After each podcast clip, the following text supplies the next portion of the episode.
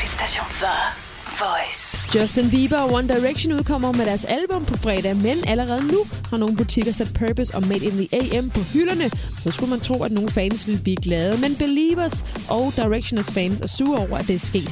Frustrationen over lækket er ekstra stor, fordi Purpose er Justin Biebers første album i tre år, mens Made in the AM er One Directions sidste album inden gruppens planlagte pause. Og de mener, at folk burde have respekt og holde sig til den offentlige udgivelsesdato 13. november. Apropos Bieber, så har han smidt endnu en sang fra sit nye album ud. Love Yourself er skrevet sammen med Ed Sheeran. If you like the way you look that much, oh baby, you should go and love yourself.